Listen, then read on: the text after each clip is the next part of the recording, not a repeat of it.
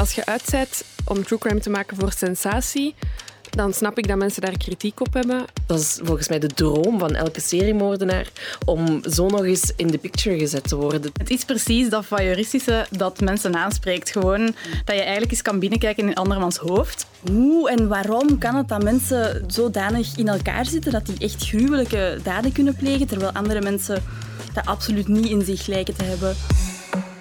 Verdwijningen, verkrachtingen en moorden. We kijken ernaar, we luisteren ernaar en we verslinden er boeken over. Waarom kikken we daarop? En is dat wel gezond? Het genre true crime is super populair. Kijk maar naar de nieuwe reeks over seriemoordenaar Jeffrey Dahmer. En wie beter om daarover te spreken dan de, de true crime queens Silke en Laura van de Volksjury. Silke van den Broek en Laura Scheerlink, welkom. Hallo. Jullie zijn de referenties als het gaat om true crime in België. En jullie zijn daar dagelijks mee bezig, neem ik aan.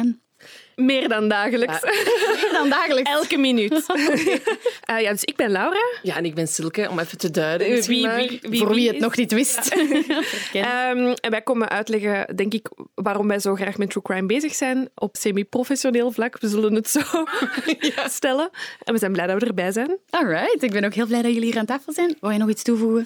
Uh, ja, of waarom dat het true crime genre zo populair is waarschijnlijk ook. Hè. Ik denk dat dat ook belangrijk is om misschien daarover te babbelen. Ja. Ben ik helemaal mee eens. Iris Verstraten, die zit hier ook. Hi Iris, jij bent een diehard crimi-fan. Ben je niet te starstruck door de aanwezigheid van Silke en Laura? nee, het valt, uh, het valt mee. Ik, uh, een beetje wel, maar ik doe mijn best om het... Uh, om te bedwingen. Semi-professioneel te dragen. maar semi-professioneel, dat is the way to go. ben ik helemaal mee eens, want jij bent ook fan van de Volksjury. Ja, dat klopt. Ik luister ook naar de Volksjury. Super, gaan we straks verder op ingaan. Maar eerst hebben we nog Lore Mergaert. Jij bent, uh, jij bent onze experte aan tafel. Jij bent criminologe en je komt uit Leuven. Vertel eens, wat kom jij hier duiden vandaag? Ik probeer hier een beetje duiding te geven over waarom dat true crime zo aanspreekt en wat we daar uh, uit academische hoek over weten. Dit is een volledige vrouwentafel, dat is opmerkelijk, maar dat is niet verbazend. Waarom, dat kom je straks te weten. We gaan het ook nog hebben over de kritiek die true crime krijgt, dat het allemaal rond sensatie draait en of daar rekening mee gehouden moet worden. Ik ben Aurélie en je luistert naar een nieuwe aflevering van Snapt je mij nu?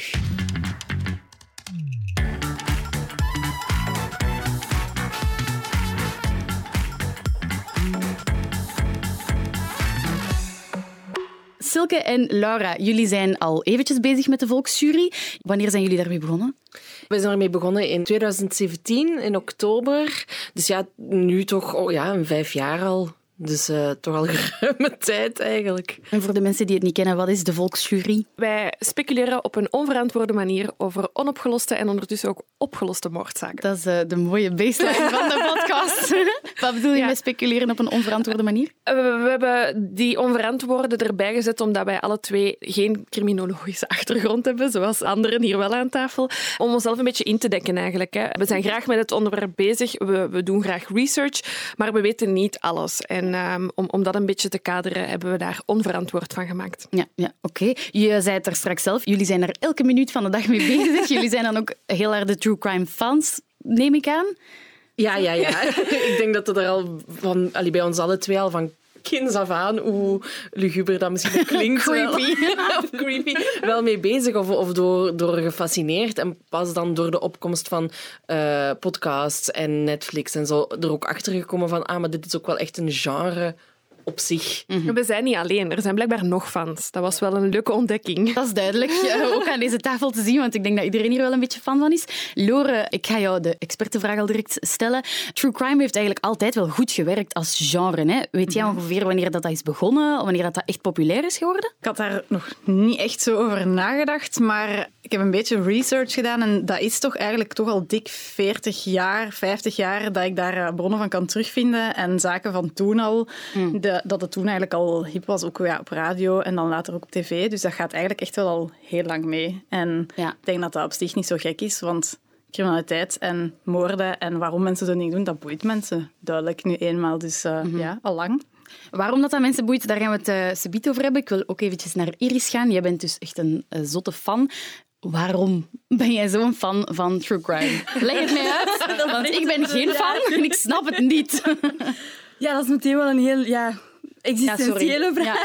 nee, nee. ehm, dat is, eh, ik denk dat er, daar zijn wel verschillende eh, redenen voor. Enerzijds ook, hè, wat, wat Laura al aanhaalde, het, het waarom erachter. Hè, dat je een beetje een fascinatie hebt met ja, het, het, het lelijke, het slechte in de mens. Een soort van continu, constante vraag van... Maar, hoe en waarom kan het dat mensen zo, zodanig in elkaar zitten dat die echt gruwelijke daden kunnen plegen, terwijl andere mensen dat absoluut niet in zich lijken te hebben.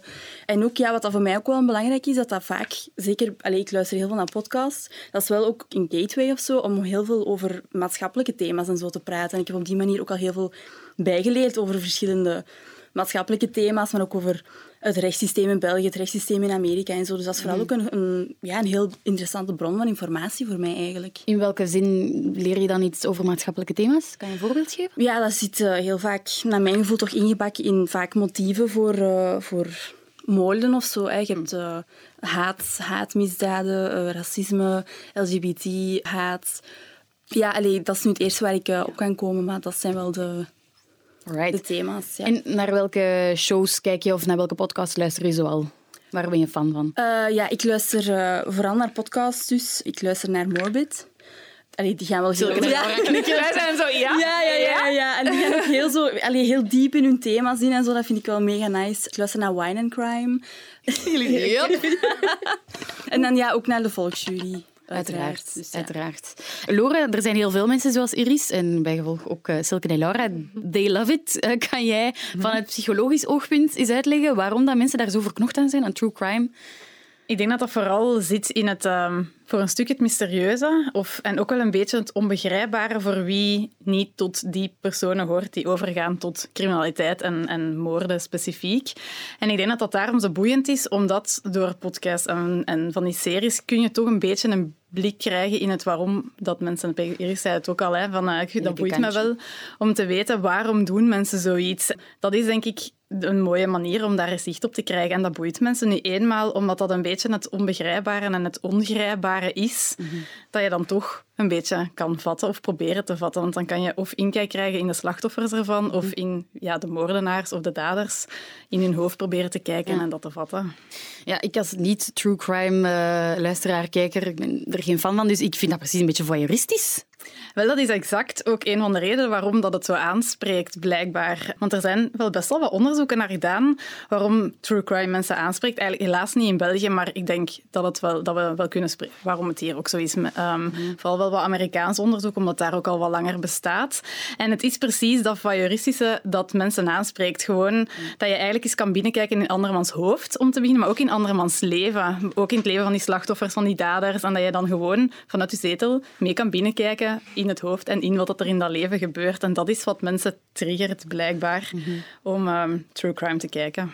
Ik heb ook ergens gelezen dat uh, de angstreactie die je lijf dan ervaart als je naar zoiets kijkt, sterker is dan alles eigenlijk. Dat is de sterkste reactie die je kan produceren, dat je dan keihard dopamine krijgt. En zo. Heb je daar iets van gelezen? Of? Dat speelt zeker ook mee. En dat is ja, gewoon alles wat spannend is, ja, daar, dat leidt je ook tot. Hè. Dat hoeft zelfs ja. niet alleen eng spannend te zijn. Hè. Dat heb je toch ook met goede cliffhangers van uh, romantische dingen ook. Dat je weet hoe dat afloopt. Dus angst ook wel, maar je hebt dat met andere dingen ook. Die spanning gewoon opwekken. En dan uh, ja, wil je daar meer over weten en dan boeit jou dat. Dat is inderdaad zo. Ja. Dus het is ook echt verslavend eigenlijk kan zijn als het, als het u aanspreekt. Het, het, moet natuurlijk zijn, je moet erin geïnteresseerd zijn. En als dat voyeuristische nu aanspreekt, er zijn nog wel andere redenen waarom mensen het kijken buiten dat voyeuristische, dan kan dat inderdaad wel een verslavend effect hebben. Kan je die andere reden ook geven? Of? Zeker wel. Ja, sowieso ontspanning is ook wel een reden. Hè. Zo, iedereen heeft ook wel nood aan andere dingen dan werk en uw dagelijkse activiteiten. Dat, en vind, dan... dat vind ik zo raar. Hè. Ontspannen mij moord in uw oren ja, of in uw... Maar het, het is een soort van manier om een beetje te ontsnappen uit je eigen leven, om het zo te zeggen. En dat is zo'n totaal andere wereld dan, dan voor normale mensen of, of, mensen die dus niet overgaan of betrokken zijn in die zaken, waardoor dat, dat toch een manier is om even heel je eigen leven te vergeten en helemaal meegezogen te worden in die verhalen dat daarin gebracht worden. Dus dat is ook wel iets. En eigenlijk als je gaat kijken, maar dat gaat vooral op voor vrouwen, minder voor mannen. Als je kijkt naar die verhalen, um, verhoudingen, ook vaak vrouwelijke slachtoffers die daarin naar voren komen in die series, dat blijkbaar vrouwen dat ook kijken, omdat ze dan een soort van strategieën eruit kunnen halen van stel dat ik ooit in zo'n situatie kom. Stel dat ik met zo een of andere perverte maken heb, misschien kan ik signalen leren oppikken en als ik ooit met zo'n man in aanraking kom, dan ga ik dat zien en ga ik niet zo'n slachtoffer worden. Wellicht niet zo bewust, maar ze kunnen dat met bepaalde ja, onderzoekjes kunnen ze dat wel in kaart brengen en dat blijkt een van de redenen te zijn waarom dat, dat ook bijvoorbeeld vooral vrouwen aanspreekt en ook wel mannen, maar iets minder. Ja ook wel een beetje de FOMO mee kunnen praten met de vrienden op café tegenwoordig. Zeker omdat het nu zo hip is. Je wilt het dan zo niet gemist hebben en dan ook willen mee kunnen praten daarover. En, en dat dat ook wel een reden is dat het dan het nieuwsgierigheid is van ik moet dat toch ook gezien hebben, want iedereen is erover bezig. Dus ja...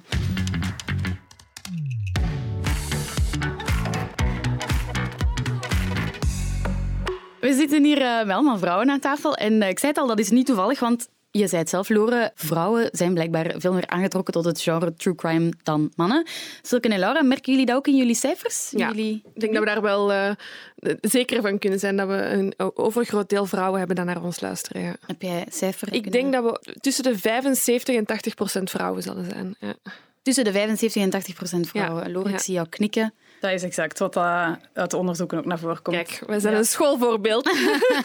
en waarom is dat precies? Buiten dat vrouwen een escape plan proberen Wel, te bedenken. Exact die redenen mm. maakt dat die vrouwen zich meer aangesproken voelen dan mannen. Mannen kijken, het, of kijken en luisteren het ook wel uit ja, ontspanning, maar gewoon toch minder. Die zijn minder dat voyeuristische is gewoon iets vrouwelijk, denk ik. Gewoon die nieuwsgierigheid naar andere mensen hun leven. En dat is gewoon... Ja. Maar is dat misschien ook omdat Allee, wij, denk, het, wij gaan hetzelfde zeggen, dus doe maar. Um, is dat misschien omdat mannen ook niet geassocieerd willen worden met het genre, met het feit dat ze true crime bingen en dan misschien zelf bang zijn om afgeschilderd te worden als van een psychopaat is dat? Ja. Zou kunnen. Heb ik niet echt, uh, nog niet echt teruggezien, maar het zou wel kunnen. Ja. ja, en ook vrouwen herkennen zich denk ik sneller in de verhalen, omdat de slachtoffers ook gewoon vrouwen zijn. En je wilt je nu eenmaal niet herkennen in de bad guy in het verhaal. En dat is dan gewoon vaak de man, de moordenaar. Ja. Het is ook zo, de true crimes waar er meer vrouwelijke slachtoffers in zijn, die, die trekken ook meer vrouwelijke kijkers en luisteraars aan. Dus ik denk dat de makers daar ook wel op inspelen door dan vaker vrouwelijke slachtoffers te gaan portretteren, omdat je dan weet dat dat meer kijkcijfers oplevert, omdat het vooral een vrouwelijk publiek is. Mm -hmm. Ja, ja. Mm -hmm. ja ik, ik, ging jullie net vragen, uh, Laura en Silke, hoe kiezen jullie jullie zaken? Want dat is ook vaak de, een mannelijke dader en een vrouwelijk slachtoffer. wij, wij, proberen wel echt goed af te wisselen in de zaken die we brengen. Hè. Inderdaad, de meerderheid zal inderdaad wel zijn dat het vrouwelijke slachtoffers zijn en, en mannelijke daders, maar wij willen echt wel proberen om de verhalen van iedereen te vertellen. Hè. Qua afkomst, qua geaardheid. Gewoon dat het wel inderdaad belangrijk is dat mensen weten, er zijn wel veel meer slachtoffers dan alleen, alleen maar, tussen aanhalingstekens, de vrouwen. Ja. Ja, want dat idee krijg je wel als je luistert naar een podcast, kijkt naar series of films, dat het heel vaak mannelijke daders zijn en dat, dat vrouwen eigenlijk nergens veilig zijn. Dat het altijd vrouwen zijn die vermoord worden. Is dat, Lore, ja, als criminoloog zal er zeker op kunnen antwoorden, is dat een beetje een representatief beeld van de werkelijkheid? Het hangt ervan af. Ik denk dat je gaat merken als je daarop let dat de vrouwen die vermoord worden, meestal vermoord worden door iemand dat ze kennen. Dus in familiale sfeer en in relatiesfeer heel vaak. Maar dan kun je de vraag stellen, worden die over het algemeen in alle types van criminaliteit vaker slachtoffer? Dan moet je dat nuanceren. Want uiteindelijk, als je kijkt, zijn vooral de mannen die dader zijn. Dat is wel waar. Dat vooral mannen overgaan tot criminaliteit, dat is nog altijd meer dan vrouwen. Dat is zo. Maar als je gaat kijken naar de kans om vermoord te worden, dan hangt het echt van type misdrijf af. Want mannen bijvoorbeeld hebben meer kans om vermoord te worden door iemand dat ze totaal niet kennen. Denk in georganiseerde criminaliteit, in afrekensituaties, ja, of bijvoorbeeld in geweldsdelicten, heb je wel van onbekenden meer kans als man om vermoord te worden dan als vrouw. En bij een vrouw is het vooral dat ja, overwicht voor vrouwen wanneer het bekenden zijn of familiesfeer. Uh, Lore, jij geeft ook les in de opleiding criminologie. Merk jij die cijfers uh, overgewicht vrouwen ook in jouw lessen? Ik zou graag zeggen, dank u, dat is dankzij jullie, maar dat is eigenlijk een tendens dat er al altijd is geweest. En ik had me daar eigenlijk zeg nooit... toch maar dank u. Ja. dank u voor het extra werk. nee, het, is zo, ik heb de cijfers opgezocht van vorig academiejaar en effectief 79% van de criminologiestudenten is vrouwelijk. Ja, ja dus 79? Ziet, ja, inderdaad. Uh, over de vier jaren Ja, heen. Dus ja, ja. drie bachelor en één master kon ze niet uitsplitsen per jaar. Maar oké, maakt niet uit. En dat is inderdaad een tendens. En we weten dat, maar ik heb me daar nooit echt vragen bij gesteld. Maar ik denk dat we die parallel op zich kunnen doortrekken. Ook als ik hier eens hoorde vertellen van wat haar aanspreekt daarin. Ja, dat zijn ook dingen dat je leert in een opleiding criminologie. Onder andere begrijpen waarom mensen zoiets doen, hoe we daarop kunnen reageren. Al die dingen, dat is gewoon de essentie van criminologie. Dus dan snap ik nu ook, ik heb er nooit echt zo actief over nagedacht, waarom dat er veel meer vrouwen zijn die criminologie gaan studeren.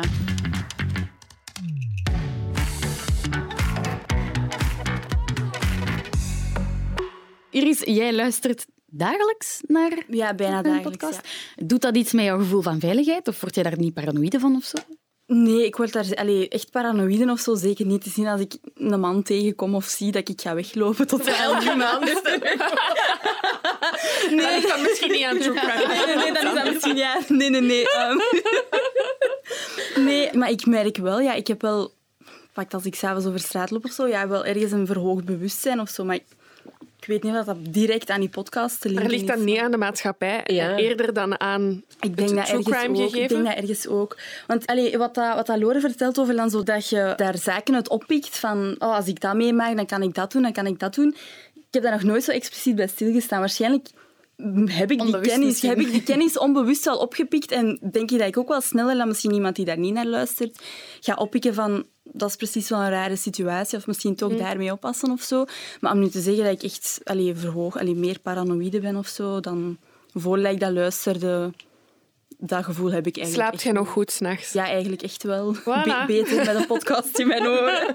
Met een true crime podcast in je oren in je bed s'nachts? Ja, soms wel. Maar echt, stuff of horrors voor jullie. Ik snap het niet. Silke en Laura, jullie zijn daar ook elke dag mee bezig. Is dat niet zwaar voor jullie om, daar, om zo elke dag met moorden bezig te zijn? En, en- Nee. Ik, ik kan dat heel makkelijk van mij afzetten eigenlijk. Ik vind dat heel heftig ook natuurlijk. Mhm. hè, maar ik, kan dat, ik denk net, dat dat voor u ook net zo is, Lore, dat je dat op een gegeven moment ja, moet afsluiten wat dat je ziet in je, in je werk. Omdat je er anders misschien gewoon helemaal ja, aan onderdoor gaat. Maar bij mij is het net dat horror meer, mij meer angst geeft dan true crime. Terwijl true crime Maar het is waar gebeurd. echt is gebeurd. Wat Ja. opvallend is, hè, want we hebben dat vorig jaar naar aanleiding van Halloween eens gevraagd aan onze luisteraars. Van, uiteraard zijn jullie dan toch ook allemaal horrorfans? Dat is wat ik dacht, hè, want ik ben en een horrorfan en een true crime fan. En ik ben er dan achter gekomen dat Silke het haat. En bij ons is het ook echt een tweedeling. Hè. Echt ook luisteraars die zeggen... Eendert welke true crime documentaire, maar geef mij geen horrorfilm, want ik pies in mijn broek. Dat is ook nog wel een van de extra redenen waarom het vooral vrouwen aanspreekt. En dat is dat vrouwen typisch, of ja, dat is redelijk stereotyp, maar toch is het zo, meer ehm nood hebben, aan voorspelbaarheid. Dat wij graag willen weten, eh, meer dan veel mannen, hoe dingen gaan lopen. En door naar die true crime te kijken, kun je daar iets bij voorstellen. Dus heel pessimistisch bekeken. Weet je dan bijvoorbeeld, stel dat ik ook ooit slachtoffer word van bijvoorbeeld een verkrachting, dan kun je daar iets bij voorstellen hoe dat is om slachtoffer te worden van een verkrachting. Niet zo, je gaat niet met die instinctie te kijken waarschijnlijk, maar op de achtergrond speelt dat blijkbaar ook mee. Dat je daar dan gewoon iets bij kunt voorstellen. En ik denk, maar ik ben ook totaal geen horrorfan. En ik denk dat dat gewoon iets is wat dat sowieso altijd onvoorspelbaar blijft. Of, zo. of iets wat je niet kunt voorstellen dat wat ook. bedoel, En dat maakt misschien ook dat er een deel van de mensen daar toch niet zo'n fan van is, omdat dat voorspelbare daar niet in zit. Of dat dat dan niet aan die nood beantwoordt, denk ik. Voor een deel dan, hè. Maar, eh, interessant.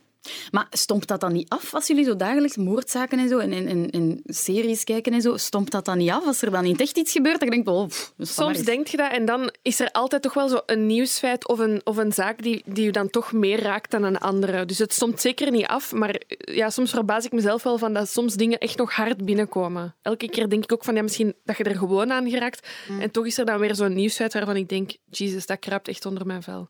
Zijn er zo, Silke en Laura, misschien Silke, zijn er zaken die bij jou harder onder jouw vel kruipen dan andere?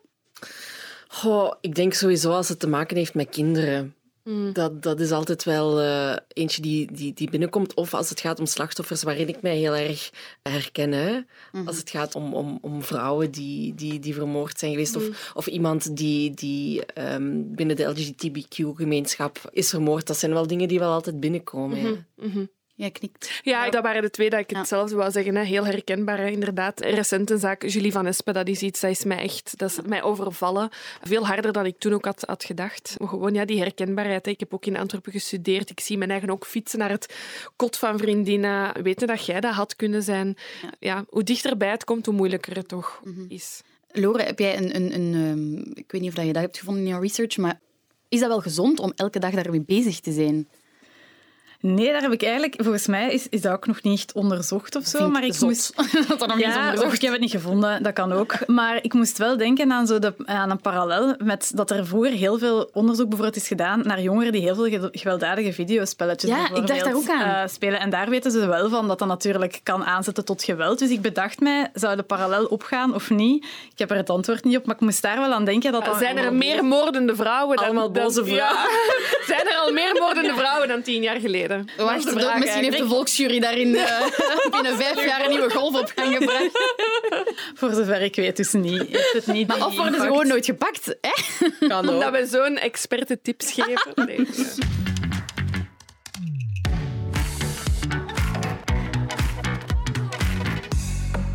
Er komt ook wel eh, veel kritiek op het genre, nu ook meer specifiek over die nieuwe serie, over eh, de seriemoordenaar Jeffrey Dahmer, omdat die veel te grafisch zou zijn. En er komt eigenlijk vooral kritiek uit de hoek van de familie van de slachtoffers, die totaal niet op de hoogte waren en niet akkoord zijn met die uitzending. Ik heb ook nog een ehm, spraakbericht van Pieter, die totaal niet fan is van het genre, en hij gaat zeggen waarom. Ik heb er moeite mee dat bij true crime de ergste dingen of de gruwelijkste dingen die een mens kan meemaken voor commerciële doeleinden worden gebruikt of puur voor sensatie worden gebruikt. Ja, dus dat is ook de kritiek die je vaak hoort op die nieuwe serie. Er bestaat al zoveel over. Dit is echt puur gemaakt om te kapitaliseren op iemand anders en miserie eigenlijk. Ik ga beginnen met jullie, Laura en Silke. Vinden jullie dat eh, makers daar rekening mee moeten houden met die kritiek? Ik vind Pieter heeft een punt. Als je uitzet om true crime te maken voor sensatie, dan snap ik dat mensen daar kritiek op hebben. Dat is gewoon, en dan spreek ik voor ons, niet de insteek van onze podcast. Ik denk dat wij dat niet ons eerste doel... Het eerste doel is bij ons niet sensatie, maar eerder de zaak brengen. Mensen die er interesse voor hebben, het verhaal vertellen, awareness creëren. Ik denk dat dat zo wat de dingen zijn waar dat wij mee bezig zijn. Dus ik begrijp, ik begrijp zijn punt zeker en vast. En ik heb zelf twee afleveringen van Dahmer gekeken en ja, het is begrijpelijk. De kritiek is begrijpelijk. Maar ik denk dat je dat geval per geval moet bekijken. Iris, vind jij dat er een serie bijvoorbeeld niet zou moeten gemaakt worden omdat de nabestaanden daar niet mee akkoord zijn? Ik vind dat inderdaad wel belangrijk dat er... Allee, je kunt niet in elk geval apart toestemming van de nabestaanden gaan vragen. Dat snap ik ook heel goed. Hè. Maar ik vind wel dat er bij makers zeker een verantwoordelijkheid ligt om een verhaal op een zo sensitief mogelijke manier te brengen. En ik heb ook inderdaad een aantal afleveringen van Dahmer gezien. En het is echt wel... Wat vond je?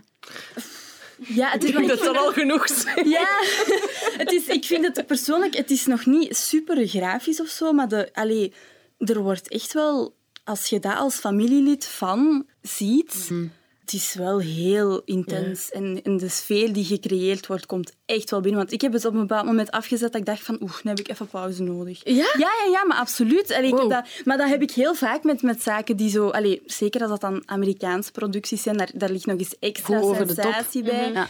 Dus als dat er dan in zit, dan allee, denk ik ook wel van oeh.